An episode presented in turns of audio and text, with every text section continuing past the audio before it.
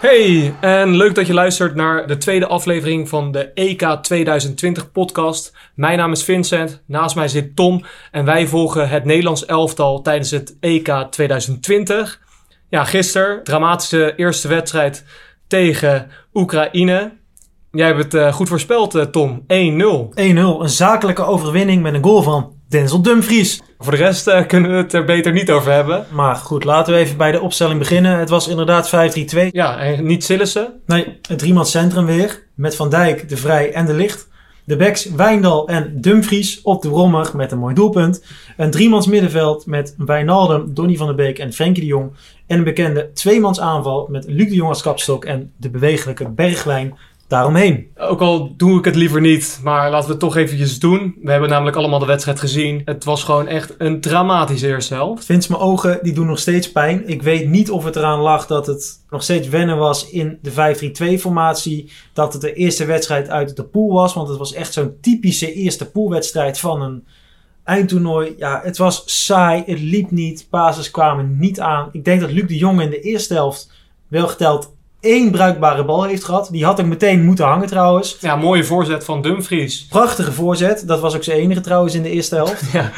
Wat je nog wel eh, vergeet is het afstandsschot van Wijnaldum. Oh ja, Prachtige redding eh, van Piatov. De rots in de branding. Ja, die pakte die goed. Maar oké, die voorzet van Dumfries op Luc de Jong, die had moeten hangen. En dan dat afstandsschot van Wijnaldum. Dat waren onze enige spelde prikjes in die eerste helft. En we Van- kunnen nou ook niet zeggen dat Oekraïne goed speelde of zo. Nee, nee, nee. Die speelde ook een matige wedstrijd. Maar Nederland was gewoon slordig.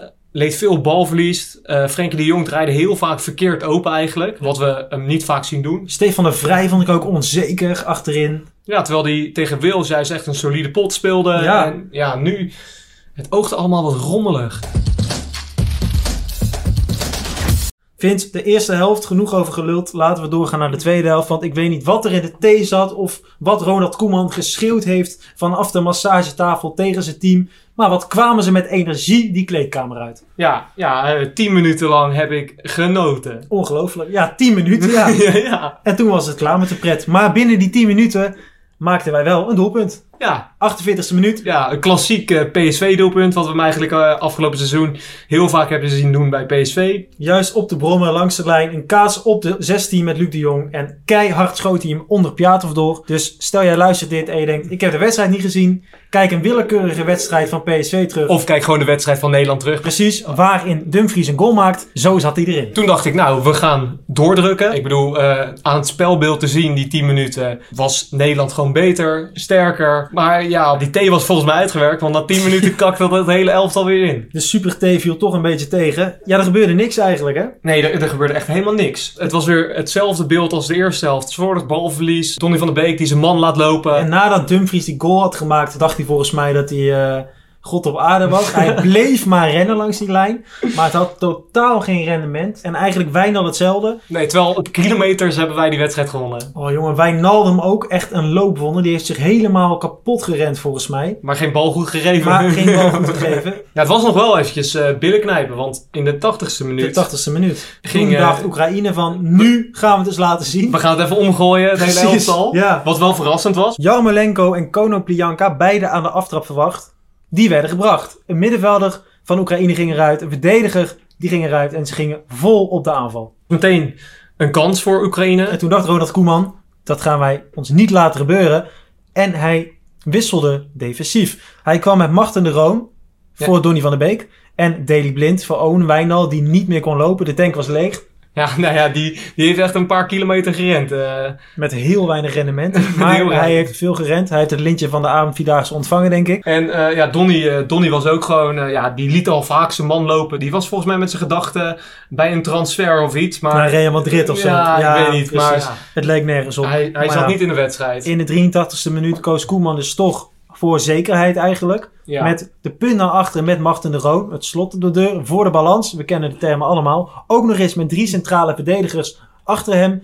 Deli Blind voor Owen Wijndal. Voor iets meer zekerheid aan de linkerkant. Maar alsnog Vince, het bleef billen knijpen. ja, Oekraïne creëerde wel wat kansen. Vanaf die 80ste minuut hebben ze denk ik vijf goede kansen gehad. Konen Plianka, 88e minuut. Ik telde hem al. Ik denk, daar gaan we vlak voor tijd. Ja, prachtige redding eh, van eh, Bizot. Ja, dat is eigenlijk het enige, enige voldoende. Samen met Dumfries. Dumfries heeft ook een voldoende. Ja. Voor de rest heeft iedereen eh, een dikke, vette Die onvoldoende. laatste 10 minuten geen vuist meer kunnen maken. Luc de Jong op een eiland. En Maar, maar hey, we hebben gewoon zakelijk met 1-0 gewonnen. Zakelijke 1-0 overwinning. Uiteindelijk gaat het erom, hè, de drie punten. Precies. En we staan nu tweede. Want Oostenrijk heeft eh, met 2-0 gewonnen van Kosovo. Ja, met twee doelpunten van Alaba. Ik denk dat eh, dat wel echt een taaie pot gaat worden. Want dat is de tweede wedstrijd die eh, Nederland speelt tegen Oostenrijk. Het is een prima ploeg, ja. Ja, ik eh, denk dat eh, Nederland het daar zwaar tegen krijgt. Ja, Dragovic achterin, Sabic er op het middenveld. Arnautovic, Shakiri natuurlijk, prima spelers allemaal. Ik denk dat wij het daar zwaar tegen gaan krijgen. Maar de grote vraag is natuurlijk, de volgende wedstrijd tegen Oostenrijk. Spelen wij die ten eerste in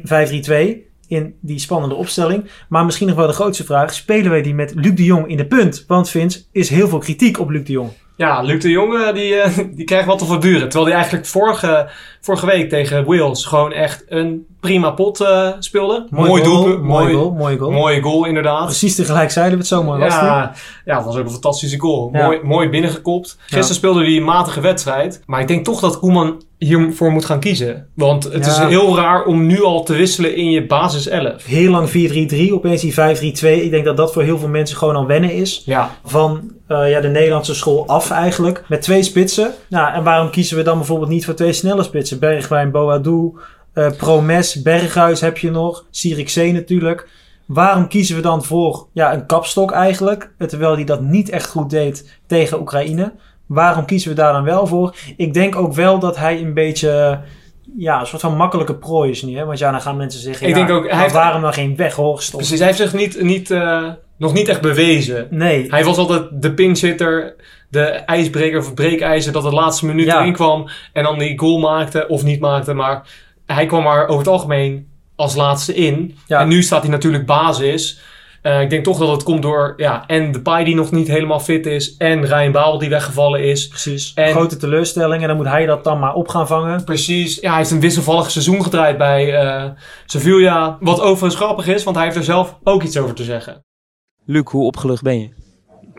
Heel opgelucht, denk ik. Iedereen is heel opgelucht. Eh, het was een zware avond en eh, dan moet je strijden met z'n allen en dat eh, hebben we gedaan. Ja, kijk, eh, ik heb wel eens vaker in eh, zo'n discussie gezeten en ik weet onderhand al een beetje hoe het werkt. En het enige om dat te stoppen is om doelpunten te maken. Ik heb het gevoel dat ik ook gewoon lekker bezig ben de laatste weken. Goed speel, alleen ja, het zit gewoon soms net even niet mee. En dan eh, weet je dat je daarop afgerekend wordt en eh, ja, dan, dan komen discussies, maar dat is de voetbalwereld. Ja, Vince, dat was hem dan. Luc de Jong. Hij blijft er zelf cool onder. Hij hoopt gewoon dat hij natuurlijk weer in de spits staat tegen Oostenrijk. Wat vind jij ervan? Moet hij gewoon in de punt staan? Ik denk gewoon dat Koeman ervoor moet kiezen om hem basis te laten spelen. En dat ook hem meer vertrouwen geeft. Die moet in een toernooi groeien, zoals men dat altijd mooi zegt. Vind ik ook. En eh, ja, om dan nu al bij, na de eerste wedstrijd eh, te wisselen, lijkt me niet verstandig. Dan gaan we hem gewoon laten staan met Luc de Jong in de punt tegen Oostenrijk. Maar ja, die positie. Wij van gaan, Luc wij de gaan hem Jong- niet laten staan en Koeman laten staan. Ja, oké, maar ik vind dat wij wel een klein beetje op de stoel van eh, Ronald Koeman mogen zitten soms. Die positie, de nummer 9 positie van Luc de Jong, is niet de enige positie waar veel ophef rondom was. Sillissen, die eh, na jarenlange eh, eerste keeper te zijn geweest, Is van de troon gestoten. van de troon gestoten door de Alkmaarse muur. De Alkmaarse muur. En dat één wedstrijd voor het EK. Hij speelde natuurlijk eh, een helftje tegen Griekenland. Ja, En daarna speelde hij eh, de uitzwaaiwedstrijd tegen Wils. Speelde Bizot ook al. ja, die speelde hij goed. En daar heeft Jasper Sillers natuurlijk heel veel vragen van journalisten over gehad. En eh, daar is hij wel een beetje klaar mee. En dat heeft hij op duidelijke wijze, in duidelijke bewoordingen, laten weten. Tuurlijk, ik baal er verschrikkelijk van. Nou ja, goed, we kunnen erover door blijven zeiken, maar dat heeft geen zin.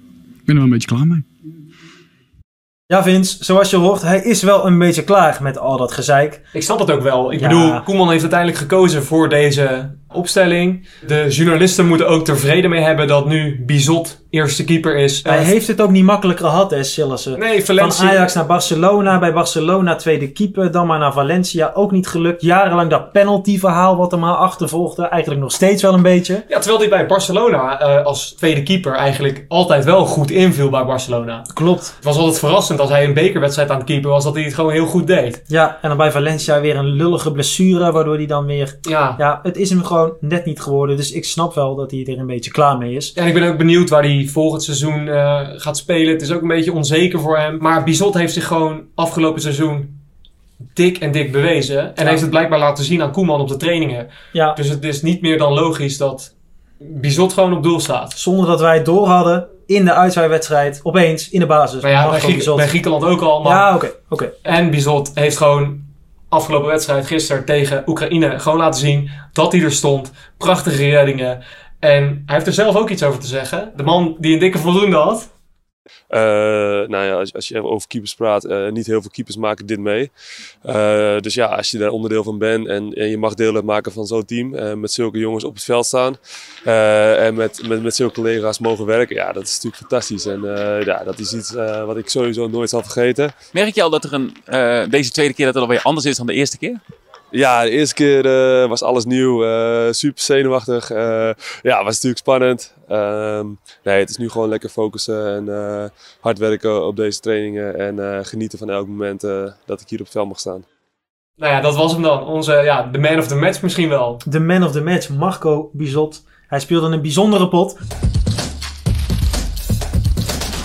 Maar dat was niet het enige wat bijzonder was aan dit EK. Want Vince, wat te denken van de openingswedstrijd Italië-Turkije? De openingswedstrijd. Ja, ik weet niet. Er is altijd wat met die openingswedstrijd. Ik moet zeggen dat ik de openingsceremonie niet heel spectaculair vond. Maar de wedstrijd Turkije-Italië was wel een eh, wedstrijdje waar je voor kon gaan zitten. Ja, 2-1 voor Italië. Nee, sorry, dat zeg ik helemaal niet goed natuurlijk. Nee. Het is zo'n zo'n automatisme dat ja, Italië die wedstrijd wel even wint. Maar Turkije die heeft er met 2-1 gewonnen natuurlijk. ja, Turkije die verrassend eh, Italië, Italië gaan verslaat. Terwijl eigenlijk was een 2-2 misschien wel op zijn plaats geweest. Ja, natuurlijk wel een slippertje van Donnarumma.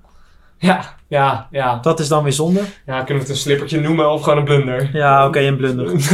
Laten we erop houden dat Buffon hem gepakt had. Verrassende wedstrijd. Ik, eh, ja, interessante openingswedstrijd. Ja, wat ook interessant was trouwens, wat te denken van de karate kick van Toby al de wereld. We Ja. kennen hem allemaal nog van Ajax, niet bij Tottenham natuurlijk. Atletico Madrid nog gezeten. Misschien dat hij daar de slagersmentaliteit van Diego Simeone heeft meegenomen. Maar hij trapte het hoofd van Ruslandspits Juba bijna doormidden. Ja. Rode kaart. Een eh de jongetje. Ik ben ook benieuwd hoe lang die nu eh, geschorst gaat worden. Ja, ik denk er wel aan een wedstrijdje of eh, Vier. drie, vier of zo. ja, eh. ik denk het ook wel. Ja, het is echt eh, buiten proporties. Daardoor werd het gewoon 1-1. Eh, de Rode Ja. Duivels stonden gewoon een solide 1-0 voor. Met 1-0 voor, kansen 2-0, 3-0, maar eh, die bleven uit. De rode kaart voor alle wereld. Ja, en spelen uiteindelijk gelijk tegen, tegen Rusland. 1-1, verrassend eigenlijk. Met een goal van diezelfde Juba met een tulband om zijn hoofd, maar hij knikte hem toch wel binnen vlak voor tijd. Ja, vlak voor tijd. eh, Lekker, lekker Duits eigenlijk. Lekker Duits, opvallend was dat. Wij gaan niet spelen tegen Duitsland, als Nederland zijn, maar tegen Oostenrijk de volgende Ik wedstrijd. spreek ook eh, Duits. Daar houden ze ook van bier en braadwas, dus veel maakt het niet uit. Nee, precies. Maar laten we eens een voorspelletje eruit gooien deze keer. Oekraïne, een zakelijke overwinning. Maar nu tegen Oostenrijk. Ik denk dat dat een bitterdere pil wordt. Als we kijken naar die wedstrijd tegen Kosovo, speelden ze gewoon ijzersterk inderdaad. 2-0 gewonnen. Oogde gewoon zeker vertrouwd. En we hebben gezien, laat Alaba niet schieten. Nee, ja, Alaba, dat was eh, zo. Dat was wel een goal, zeg. Die tweede was wel, en- denk ik, het mooiste. Ja. Ik denk- het zou zomaar kunnen dat dat het doelpunt van het eh, EK wordt. Ja, zeker. Ik denk echt wel een schot van 30, 35 meter. Hij deed me een beetje denken aan die goal van Giovanni van Bronckhorst. WK 2010. Dat afstandsschot met links, stijf in de kruising. Zoiets was het ongeveer. En ook bij deze, hè, de vingertoppen van de keeper. Ja, die maken zo'n goal dan net wat mooier. Terugkomend op eh, onze voorspelling. Ehm, ik wil vooropstellen, als Jij had Nederland... de vorige keer goed, dus jij staat eh, 1-0 Ja, voor. Ik sta nu 1-0 voor. Als Nederland de lijn doortrekt zoals ze speelden tegen Oekraïne, dan gaan ze erop, denk ik. Daar is ja, Oostenrijk te sterk voor. Die kunnen wel een vuist maken. Die hebben wel die spelers met individuele kwaliteiten die dat dan afstraffen. Maar Nederland heeft ook prima eh, veel spelers met individuele kwaliteiten. Ja. Ja. alleen straffen we het misschien niet af. De vraag is ook een beetje van blijven we nu vasthouden aan die 5-3-2 of gaan we terug naar 4-3-3 of kiezen we voor twee bewegelijke spitsen. Lang verhaal kort. eh, ik denk dat Nederland 1-1 gaat spelen. Ze gaan niet winnen. Ik heb er geen goed gevoel over. Nou ja, eigenlijk eh, had ik hetzelfde gedacht. Ik dacht eigenlijk ook dat eh, Nederland niet zou gaan winnen. En een 1-1 eigenlijk, ja, de beste uitkomst zou zijn. Maar we gaan niet hetzelfde voorspellen, Vic. Nee, we gaan niet hetzelfde eh, voorspellen.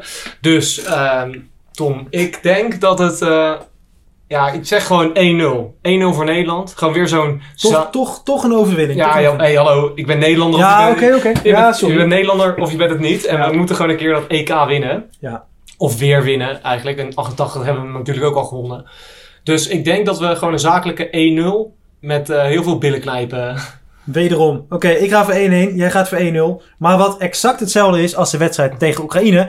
is dat we Weer met gaan we- één man niet op het veld staan. Dat is met Ryan Babel. En wat gaan we nu doen? Bellen met... Babel.